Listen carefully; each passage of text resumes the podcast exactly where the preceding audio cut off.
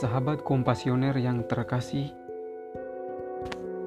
permenungan kita hari ini tentang berjalan di atas air berdasarkan Matius bab 14 ayat 22 sampai 33. Bagian peralihan dalam ayat 22 sampai 23 menempatkan para murid di laut dan Yesus sendirian berdoa di gunung.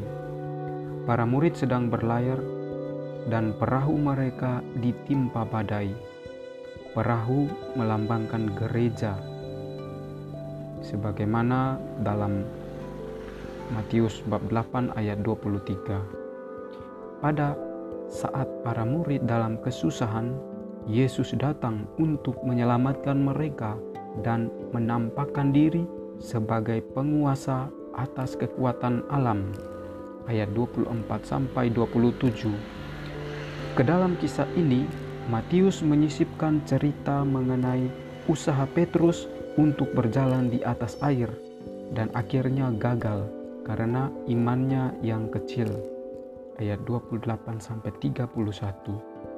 Petrus mewakili para murid dan semua orang Kristen dalam kasihnya yang penuh semangat dan imannya yang kurang.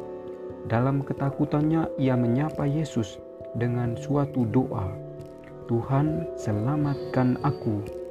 Dan ia menerima suatu kritik karena kecilnya imannya. Kisah ini mencapai klimaksnya dengan pengakuan para murid bahwa Yesus adalah benar-benar anak Allah.